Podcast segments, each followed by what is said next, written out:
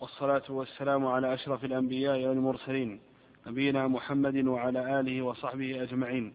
أما بعد فهذا هو المجلس الخامس عشر من مجالس شرح الطحاوية من شرح معالي شيخنا يوسف الغفيس وينعقد هذا المجلس في الثاني عشر من شهر جمادى الآخرة من عام اثنين وثلاثين وأربعمائة وألف. قال الإمام أبو جعفر الطحاوي رحمه الله تعالى وفي دعاء الأحياء وصدقاتهم منفعة للأموات. نعم الحمد لله رب العالمين وصلى الله وسلم على عبده ورسوله نبينا محمد وآله وأصحابه أجمعين. قال المصنف رحمه الله تعالى وفي دعاء الأحياء وصدقاتهم منفعة للأموات. هل الميت ينتفع بالدعاء وينتفع بالصدقة؟ الجواب. نعم كما ذكر المصنف. وهذا محل اتفاق بين العلماء. أن الدعاء ينفع الميت إذا استجابه الله سبحانه وتعالى. ولهذا يشرع الدعاء للأموات. وهذا حكم مجمع عليه بين أهل العلم وجاءت به السنة الصريحة عن النبي صلى الله عليه وسلم كحديث إذا مات ابن آدم انقطع عمله إلا من ثلاث وذكر ولد صالح يدعو له. قال إذا مات ابن آدم انقطع عمله إلا من ثلاث. علم ينتفع به. أو ولد صالح يدعو له. أو صدقة جارية. الصدقة الجارية والعلم والولد الصالح إذا دعا فهذا مما يصل الميت. وكذلكم الصدقة. كذلكم الصدقة كما جاء في الصحيح. أن امرأة سألت النبي صلى الله عليه وسلم فقالت يا رسول الله إن أمي افتلتت نفسها وأظنها لو تكلمت تصدقت. أفلها أجر إن تصدقت عنها؟ قال نعم. والصدقة عن الميت كذلك تصل بقبول الله لها. فالصدقة والدعاء محل إجماع وجاء النص به. وأما ما فوق ذلك كالأعمال الصالحة وجعل ثوابها للأموات. الأعمال الصالحة وجعل ثوابها للأموات فهذا محل خلاف بين العلماء. فمنهم من رآه مشروعا ومنهم من رآه جائزا ومنهم من كرهه. ومنهم من كرهه. وقال إنه لم يرد في الشريعة إلا في النذر خاصة. كحديث من مات وعليه صيام صام عنه وليه فإنه محمول على الصحيح في النذر ولكن الأكثر من الفقهاء هو مذهب الجمهور من الأئمة على أن أعمال القرب تصل إلى الأموات وأنها سائغة. فلو أنه طاف أو حج أو اعتمر عن ميت فإن هذا عمل سائغ. وهو مشروع في الجملة. والمقصود بكونه مشروعا إذا وقع عارضا. إذا وقع عارضا فإنه مشروع. ولا يلزم من كونه مشروعا أن يكون أولى من جعله في حق نفسه. لا يلزم من كونه مشروعا أن يكون أولى من جعل هذه العمرة لنفسه. بل لا شك أن الأصل هو جعلها لنفسه أي الحي.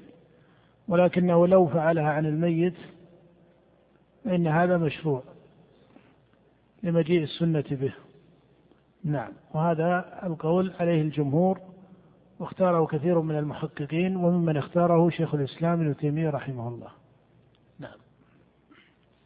والله تعالى يستجيب الدعوات ويقضي الحاجات ويملك كل شيء ولا يملكه شيء ولا غنى عن الله تعالى طرفة عين ومن زعم أنه استغنى عن الله طرفة عين فقد كفر وصار من أهل الحين.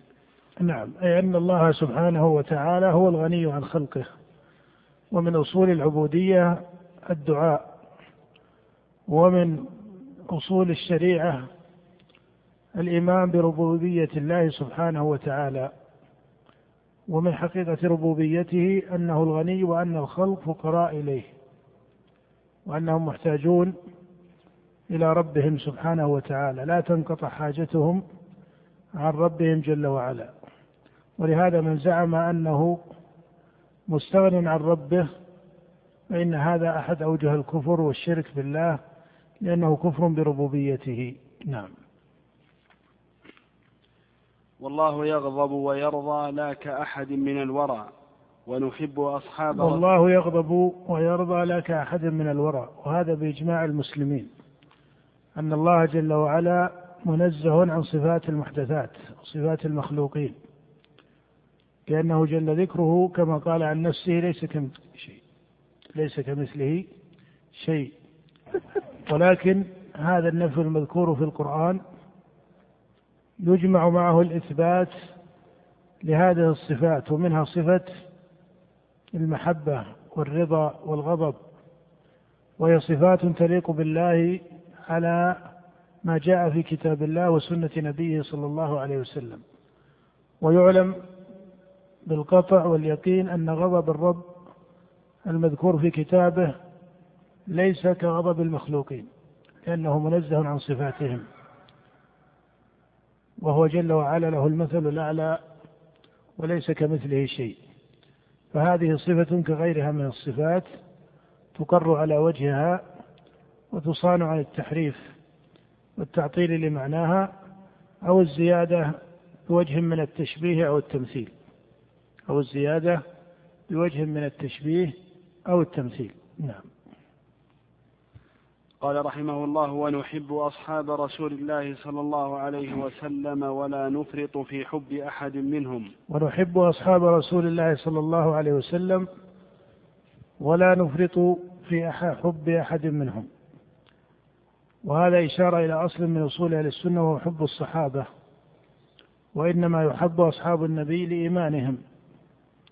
فإن محبة المؤمنين شريعة من شرائع الرسل. فإنه يشرع محبة كل مسلم وكل مؤمن. ولما كان الصحابة رضي الله تعالى عنهم خير هذه الأمة وهم خير القرون كما قال عليه الصلاة والسلام وهم أصحاب رسول الله عليه الصلاة والسلام وهم السابقون الأولون من المهاجرين والأنصار وما إلى ذلك من الأوصاف الشرعية في حقهم فإنهم أولى المؤمنين من هذه الأمة بالمحبة. ولهذا هم أولى المؤمنين بعد الأنبياء بالمحبة. فإذا محبتهم لإيمانهم وهذا أصل شرعي لا يختص بالصحابة بل يشرع لكل مؤمن مسلم أن المسلم يكون محبا لأخيه المسلم ولأخيه المؤمن. كما قال النبي صلى الله عليه وسلم لا يؤمن أحدكم حتى يحب لأخيه ما يحب لنفسه. وقوله كما في الصحيحين أيضا من حديث أنس ثلاث من كن فيه وجد بهن حلاوة الإيمان وأن يحب المرء لا يحبه إلا لله. فمحبة المؤمنين شريعة من شرائع الرسل عليهم الصلاة والسلام. وإنما ذكر المصنف الصحابة لامتيازهم في هذا المقام. وبيانا لمنهج الحق في حق أصحاب النبي صلى الله عليه وسلم من تحريم الطعن عليهم أو الذم لهم بأي وجه من الوجوه. لأن الله أخبر في كتابه أنه رضي عنهم وخبره سبحانه وتعالى يتعالى عن السقط والخطأ. قال الله تعالى والسابقون الأولون من المهاجرين والأنصار والذين اتبعوهم بإحسان رضي الله عنهم ورضوا عنه. فهذا خبر من الله. وإنما أخبر سبحانه وتعالى عن رضاه لإيمانهم وما حق الأمة بالإيمان والعلم. فإن هذين يعني تحقيق العلم بالله وتحقيق العمل وتحقيق الإيمان وهو موجب الرضا. وهو موجب الرضا كما أن الضلال والغضب الذي وقع في الأمم الكتابية سببه إما ترك العمل أو ترك العلم. فالصحابة اجتمع لهم تحقيق العلم بمعرفته واليقين به والتصديق به واجتمع لهم حسن العمل. ولا يجوز في النظر والعقل أن يقال هذا خبر عن قدر من الزمان لأن تمام الآية يدل يمنع ذلك. ولو لم يكن في الآية هذا التمام جدلا أيضا لكان ممتنعا لأن الله لا يخبر عن رضاه عن قوم. وقع في سابق علمه أنهم يضلون أو يخرجون عن شريعة نبيهم أو ما إلى ذلك من الأوجه من أوجه الانحراف. لا يمكن أن يقع ذلك في خبر يخبر الله به في القرآن الذي هو خاتم الكتب هذا لو لم يكن في الآية بيان لكل عاقل يمنع ذلك لأنه قال جل وذكره في, في الآية والسابقون الأولون من المهاجرين والأنصار والذين اتبعوهم بإحسان فدل على بقائهم عن المهاجرين والأنصار على الهدى والحق لأنه شرع لمن بعدهم أن إيش؟ أن يتبعهم شرع لمن بعدهم أن يتبعهم وهم من بعد الصحابة من التابعين وطبقات الأمة بعد الصحابة. نعم. قال ولا نفرط في حب أحد منهم أي لا يقع غلو فإنه وقع في الصحابة من ضل من أهل البدع كما حصل من من غلا في بعض الصحابة أو عكس ذلك ممن طعن على بعضهم. وقد يجتمع هذا وهذا في بعض الطوائف. سبيل السنة والجماعة هو الاعتدال والاقتصاد في الدين الزوجة. والوسطية في شأن الصحابة ولكنهم مجتهدون. يصيبون ويخطئون ولكنهم أولى الأمة بالعلم رجل والإيمان أكيد هذا اللي يصلي عنده مشاكل. أولى الأمة بحسن الاجتهاد أولى الأمة بفقه الدين ولهذا إذا ذكر الفقهاء فأئمتهم الصحابة رضي الله عنهم. نعم. ولا نتبرأ من أحد منهم ونبغض من يبغضهم. ولا نتبرأ من أحد منهم كما تبرأت الخوارج من علي بن أبي طالب وتبرأت الشيعة من أبي بكر وهكذا. فليس من سبيل المؤمنين البراءة من أحد من أصحاب النبي صلى الله عليه وسلم. مع عدم القول بعصمتهم فإنه لا معصوم إلا الرسل والأنبياء عليهم الصلاة والسلام. أما من بعد الرسل والأنبياء فليس بمعصوم. ولكن لما لهم من مقام العلم والإيمان والفضل عند الله سبحانه وتعالى وهم مادة الإسلام الأولى وهم الذين تلقوا القرآن وتلقوا السنة عن رسول الله عليه الصلاة والسلام. نعم. قال ونبغض من يبغضهم وبغير الخير يذكرهم. نعم. ولا نذكرهم إلا بخير. وحبهم دين لأننا نعرض عما شجر بينهم. ولهذا الإمام أحمد لما سئل عما وقع بين الصحابة قال تلك أمة قد خلت لها ما كسبت ولكم ما كسبتم ولا تسألون عما كانوا يعملون. مع العلم بأن هذا لا يمنع المعرفة بالحقائق الشرعية التي سماها النبي صلى الله عليه وسلم كقوله تقتل عمارا الفئة الباغية فإن هذا اسم عام على الطائفة التي قتلت عمارا وهو طائفة أهل الشام. ولكن وصف الشارع للطائفة جملة بأنها باغية لا يستلزم أن أعيان هذه الطائفة يكونون إيش؟ أن يسمون بأعيانهم بغاة. ولهذا لا يصح أن يقال إن معاوية رضي الله عنه باغي بعينه. وإن كان النبي صلى الله عليه وسلم قال تقتل عمارا الفئة الباغية وقد قتلته طائفة أهل الشام الذين كانوا بإمرة معاوية. ولكن وصف الشارع للجملة لا يستلزم وصف إيش؟ لا يستلزم وصف الأعيان. لا يستلزم وصف الأعيان. نعم.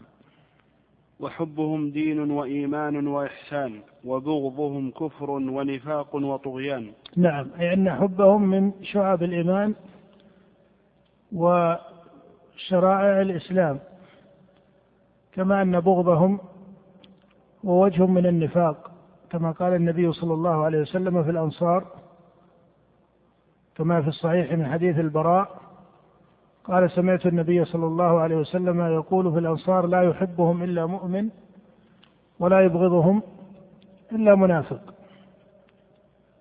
مع أن الأنصار ليس فيهم أحد من أهل البيت. مع أن الأنصار ليس فيهم رجل من أهل البيت. لأن الأنصار كما تعرف ليسوا من قريش في الأصل. وأهل البيت هم من بني هاشم. هم أهل بيت النبي صلى الله عليه وسلم. فدل هذا على أن الإيمان باق في الأبصار. نعم. ونثبت الخلافة بعد رسول الله صلى الله عليه وسلم أولا لأبي بكر الصديق رضي الله عنه. نعم فهو أول الخلفاء الراشدين. وهي الخلافة على منهاج النبوة الخلافة الراشدة التي قال فيها النبي صلى الله عليه وسلم الخلافة بعد ثلاثون سنة ثم تكون ملكا. فأول الخلفاء الراشدين هو أبو بكر الصديق. وهو أفضل هذه الأمة بإجماع الأئمة. أن أبا بكر هو أفضل هذه الأمة بعد نبيها وهو الخليفة الأول وبيعته بيعة بإجماع الصحابة رضي الله تعالى عنهم.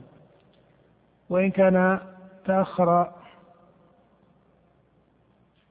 علي رضي الله تعالى عنه فالصحيح أنه لا يقال إنه تأخر عن بيعته. وإنما تأخر عن إظهار البيعة وفرق بين المقامين. فإنك إن قلت إنه تأخر عن البيعة يفهم منه أنه لم يبايع بمعنى أنه تارك للبيعة ولحقها. والصحيح أن علي رضي الله عنه بما له من الفضل والإمامة في الدين والفقه في الشريعة لا يمكن ألا يكون في عنقه بيعة هذه الستة أشهر. لأنه لم يظهر البيعة لأبي بكر على العلن إلا بعد ستة أشهر. لما ماتت فاطمة بنت النبي صلى الله عليه وسلم ورضي الله تعالى عنها وهي سيدة نساء العالمين وسيدة نساء هذه الأمة.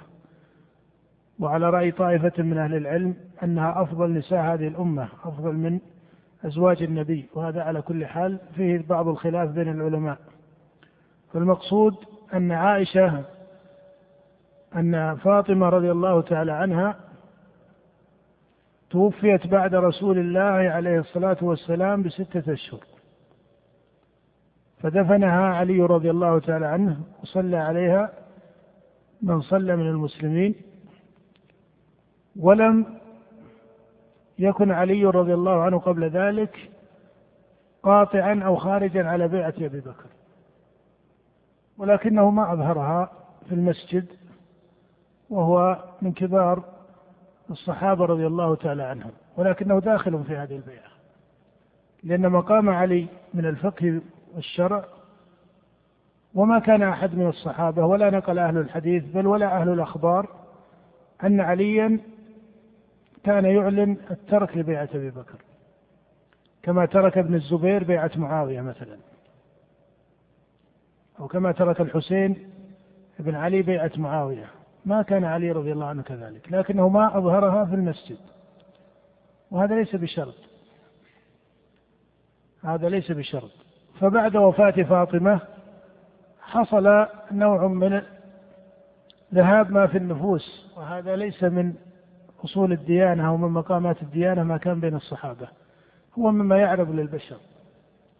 فكان في نفس علي بعض الشيء وفي نفس بعض الصحابة بعض الشيء فمن فقه علي وهذا يدل على أنه كان مبايعا في حقيقة الشريعة أي داخل في البيعة شرعا.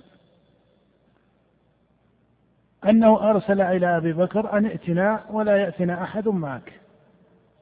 فدخل أبو بكر على علي وذكر من فضل أهل البيت وفضل علي بن أبي طالب وآل بيت النبي ما ذكر حتى بكى أبو بكر رضي الله تعالى عنه. ثم تحدث علي وأثنى على أبي بكر خيرا وقال إنه لم يحمله على ما صار نفاسة على أبي بكر ولكن كان له في نفسه في بعض حق أهل البيت شيء من بعض المسائل التي اشتبه حكمها أول الأمر كالميراث كما أن فاطمة رضي الله عنها ظنت أن لها ميراثا من النبي صلى الله عليه وسلم في أول الأمر حتى حدث أبو بكر بأن النبي صلى الله عليه وسلم قال نحن معاشر الأنبياء لا نورث ما تركنا صدقة فإن فاطمة أرسلت إلى أبي بكر تسأله ميراثها من أبيها مما أفاء الله عليه بالمدينة وفدك وما بقي من خمس خيبر. فكتب أبو بكر إليها أن النبي صلى الله عليه وسلم قال نحن معاشر الأنبياء لا نورث. فحصل هذا من إزالة ما يعرف في النفوس. ولم يكن عن خلاف على أصول شرعية ومقامات شرعية. وقال علي لأبي بكر موعدك العشية للبيعة أي لإظهارها. فلما كان العشي خطب أبو بكر وقام علي أمام الناس ليبرئ ما قد يتوهمه بعض الناس في هذا الأمر وليقطع الأمر. وإلا فعلي لا يقال إنه تارك للبيعة لما له رضي الله عنه من الفضل والفقه والإمامة في الدين والعلم الشرعي لم يترك هذه البيعة وقد انعقدت ثم يعود إليها فهو لم يعد للبيعة بعد أن كان تاركا لها وإنما أظهر أمرا كان من حيث الحكم الشرعي قائما. ولا يلزم أن جميع الأعيان يظهرون البيعة بهذه الصفة كما أظهرها علي أنها تكون في المسجد وفي خطبة إلى آخره. فإذا استقر الأمر وانعقدت البيعة فهي بيعة شرعية لازمة لجميع المسلمين صغيرا كان أو كبيرا. ولا يجوز لأحد حتى لو كان من أهل الحل والعقد أن يقول إنه لا يدخل في هذه البيعة لأن له وجهة نظر أو شيء من هذا. البيعة إذا انعقدت فهي شريعة واجبة لا يجوز تركها. لا يجوز تركها. فهذا من المعنى الفقهي الذي ينبغي النظر فيه. والتحقق فيه.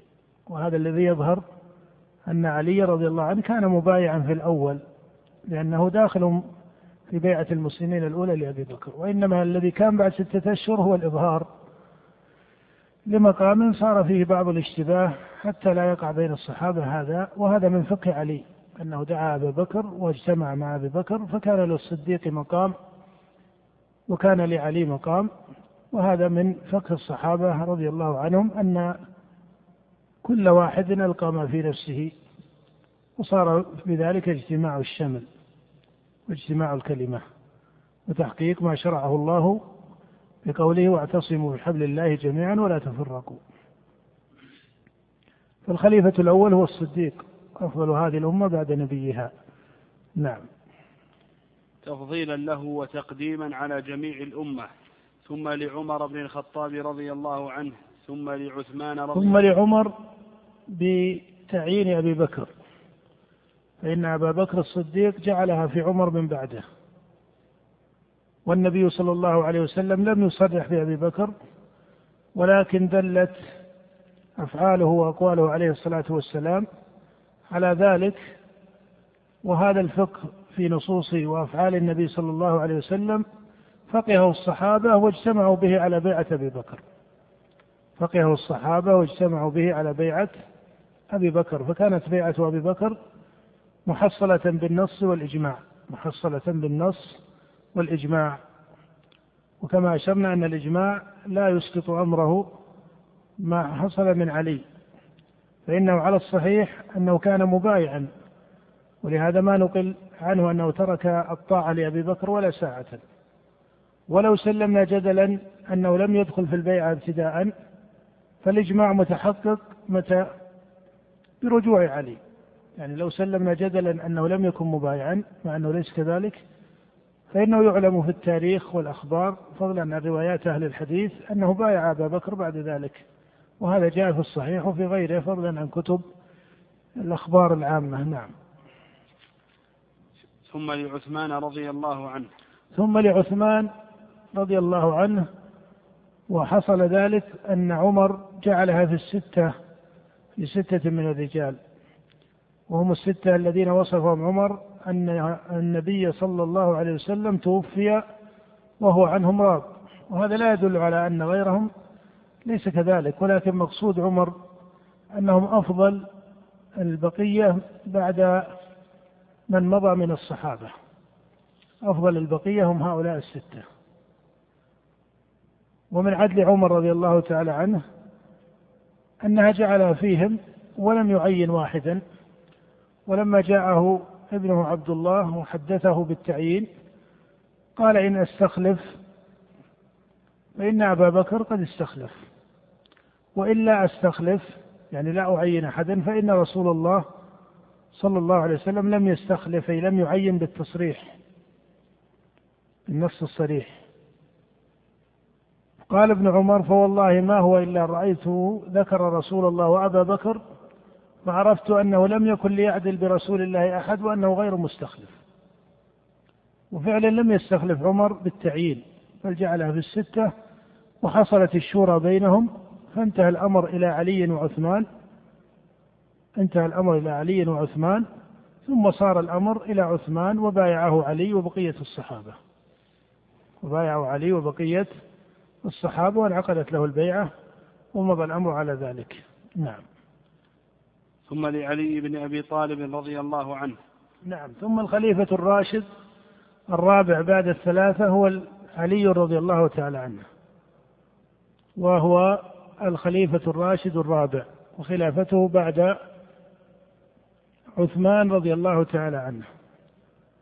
وأيضا خلافة علي خلافة منعقدة انعقادا شرعيا ومضى عليها الصحابة رضي الله تعالى عنهم وهي تمام الخلافة الراشدة التي قال فيها النبي الخلافة بعد ثلاثون ثم تكون ملكا.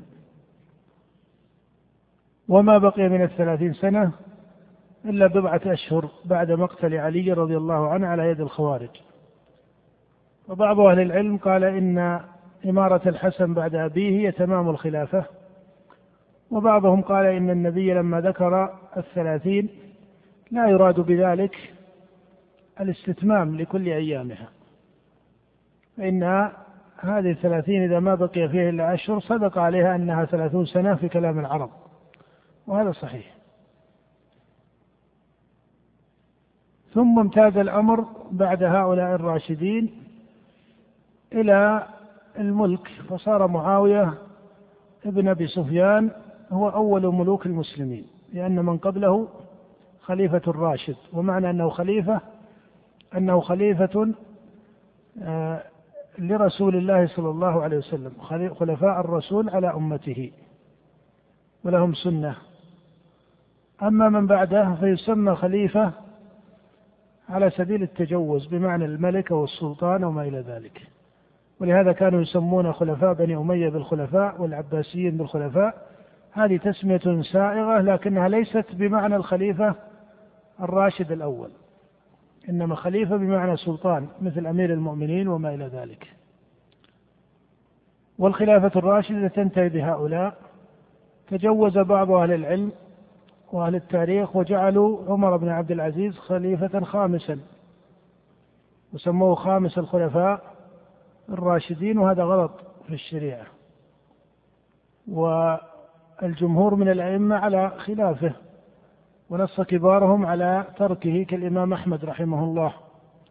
لأنه مخالف للسنة فإن النبي قال الخلافة بعدي ثلاثون سنة والخلافة الراشدة لها خصائص ولهم سنة كما في حديث العرباض بن سارية وهي خاصة بأصحاب النبي لا تقع لغير الصحابي.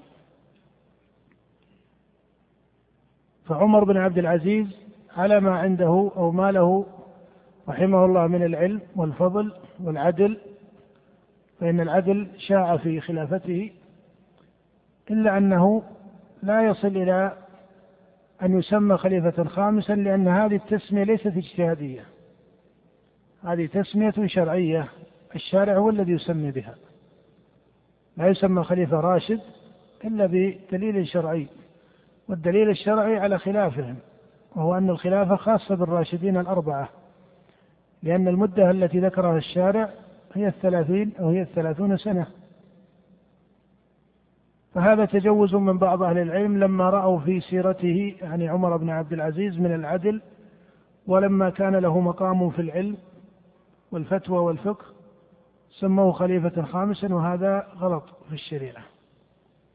ولا يسمى خليفة راشد إلا الأربعة ويتجوز في أمر الحسن بن علي لأن فيه نظر من جهة النص. أما من معاوية بن أبي سفيان وما بعده فهم ملوك وأمراء وسلاطين ويسمون خلفاء أو بأي لقب من الألقاب السائغة كل هذا لا بأس به. لكن الخليفة الراشد على المعنى الخاص هي الخلافة التي كانت لأبي بكر وعمر وعثمان وعلي رضي الله تعالى عنهم. ثم إنه من حيث النظر فلو كان يزاد في أمر الخلافة الراشدة لزيد معاوية لأنه صحابي وعمر بن عبد العزيز ليس ليس صحابيا. فإن قيل إن العدل في من عمر بن عبد العزيز كان أكثر منه من معاوية قيل هذا ليس من المشروع الدخول في تحريره بين الناس. وسيرة عمر ظاهرة في العدل لكن لا يقال أن سيرة معاوية ظاهرة في الظلم أيضا. بل معاوية رضي الله عنه كان على مقام من العدل والفقه في الدين وهو كاتب وحي النبي صلى الله عليه وسلم. ولكن كما ترى أن معاوية كان في زمن فيه آثار الفتنة ومخالفوه رجال من الصحابة بعضهم أفضل منه في المقام عند الناس. أما عمر بن عبد العزيز يعني معاوية مؤسس دولة بني أمية وكان ينازعه في الأمر الحسين بن علي وينازعه في الأمر عبد الله بن الزبير وفي نفس ابن عمر شيء وإن كان لم يظهره إظهارا بالقتال أو بالمنازعة. ولهذا معاوية في وصيته ليزيد قال ابن عمر يمنعه دينه. لكن عمر بن عبد العزيز جاء بعد استقرار الدولة إيش؟ الأموية فأصبح تطبيقه للعدل تطبيقا إيش؟ سائغا سهلا هذا ليس تهوينا من سيرته تهوينا من سيرته لكن لئلا يزداد في أمر عمر بن عبد العزيز حتى يفضل على معاوية ومعاوية من الصحابة وصار له من الحسنات الكلية كاستقرار الأمر واجتماع الكلمة به وإن كان مقتل من قتل من الصحابة في دولة بني أمية كان من العدوان. لأن قتل المسلم أيا كان المسلم محرم إلا بموجب شرعي صحيح على قتله. لأن دماء المسلمين معصومة. فضلا عن دماء الصحابة. فقتل الحجاج لابن الزبير وقتل جيش بني أمية للحسين بن علي لا شك أنها من أوجه الظلم التي حصلت في الدولة الأموية. لكن تعرف أن هذا كله بعد معاوية. هذا لم يقع في خلافة معاوية رضي الله عنه. من جاء يزيد ويزيد ليس صحابيا. زاد الكثير من الظلم في الدولة الأموية بما لم يكن على شأن أبيه. يعني معاوية رضي الله تعالى عنه. نعم. وهم الخلفاء الراشدون والأئمة والأئمة المهتدون. وأن العشرة والأئمة المهديون. نعم المهديون نعم. الله يسلمك وأن العشرة الذين سماهم رسول الله صلى الله عليه وسلم وبشرهم بالجنة نشهد لهم بالجنة على ما شهد لهم رسول الله صلى الله عليه وسلم. نعم الأصل في الشريعة أنه لا يشهد لأحد من أهل القبلة بجنة ولا نار بل يرجى للمحسن ويخاف على المسيء. إلا من شهد له النبي صلى الله عليه وسلم الجنة فإن النبي صلى الله عليه وسلم شهد لهؤلاء العشرة وجاء في النصوص ما يدل على أنها لا تنحصر بهم بل ثبتت شهادته عليه الصلاة والسلام لغيرهم. فتكون الجملة الشرعية أن لا نشهد بجنة ولا نار لأحد من أهل القبلة بل يرجى للمحسن ويخاف على المسيء مع فقه أصول الشريعة في هذا وأن المسلم لا يخلد في النار وأن مآل المسلم إلى الجنة وأن الله يغفر لمن يشاء وأن رحمته سبقت غضبه إلى غير ذلك. إلا من شهد له النبي بالجنة كأبي بكر وعمر وعثمان وعلي وطلحة والزبير ومن سمى النبي من أصحابه بالجنة فإنهم من أهل الجنة.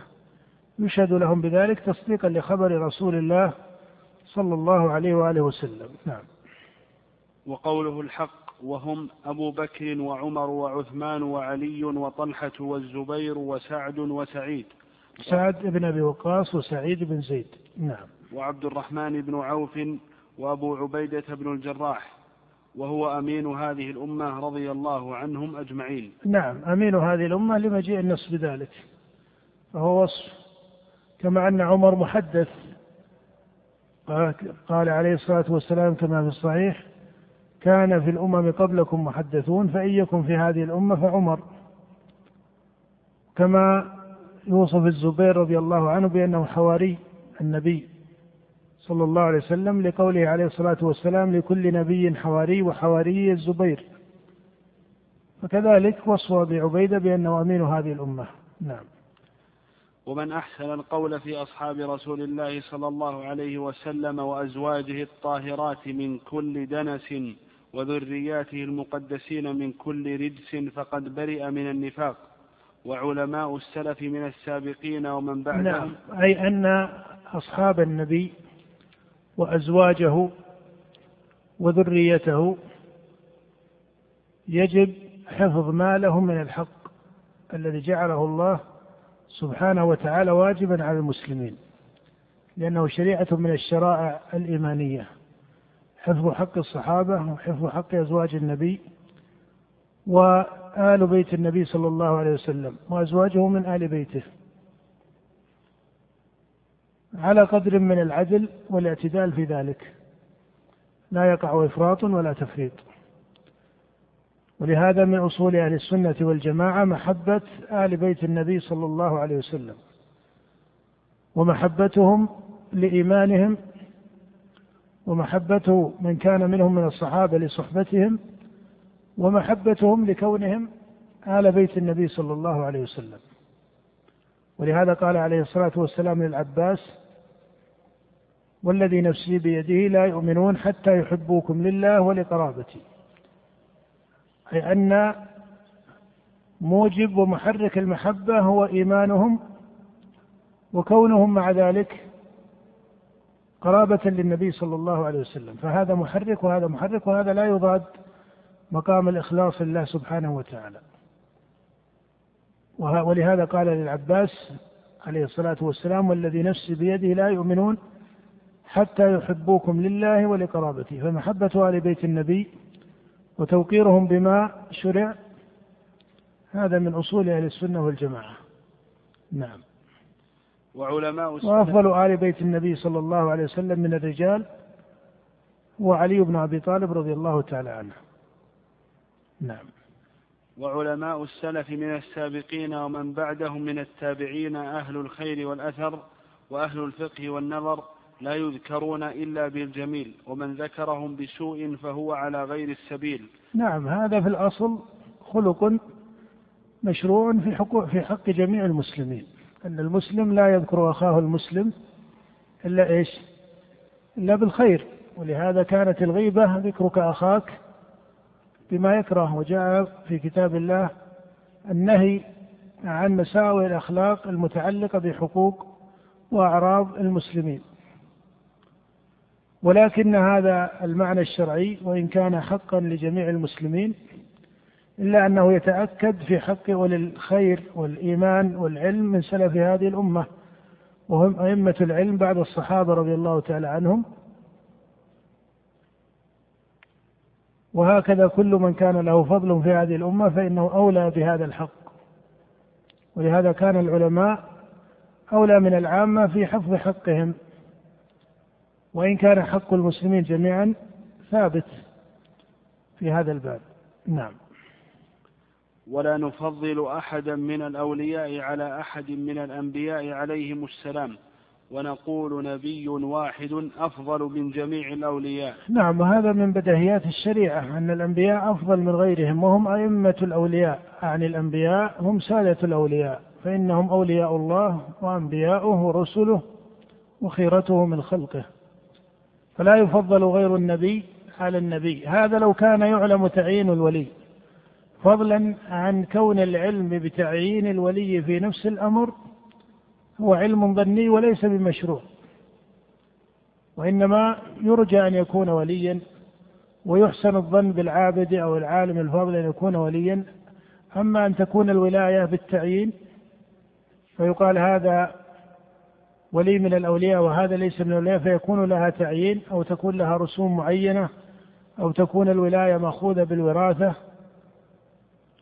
ولاية العبادة تكون ولاية وراثية فإذا مات هذا الشيخ أصبح ابنه أو من سماه هو الولي من بعده فيصبح وليا من أولياء الله بتعيين من سبقه له. فهذه كلها من الخرافات التي لا أصل لها في الشريعة. لأن الولي هو الذي آمن بالله واتقاه. قال الله تعالى على إن أولياء الله لا خوف عليهم ولا هم يحزنون الذين آمنوا وكانوا يتقون. من ظهر خيره في المسلمين بالإيمان والتقوى يرجى أن يكون وليا لله. لكن تعيين الأولياء بالتسمية وتمييز أن هذا ولي وهذا ليس بولي أو جعل الولاية آه، ومقام الولاية الدينية لها رسوم أو لها لباس معين أو أو تختص بقبيلة معينة أو أو شيء من هذا القبيل هذا ليس له أصل لأن العبادة الولاية هي العبادة والعبادة قربة وعمل صالح بين العبد وبين ربه ولهذا قد يكون وليا من أولياء الله وهو خفي.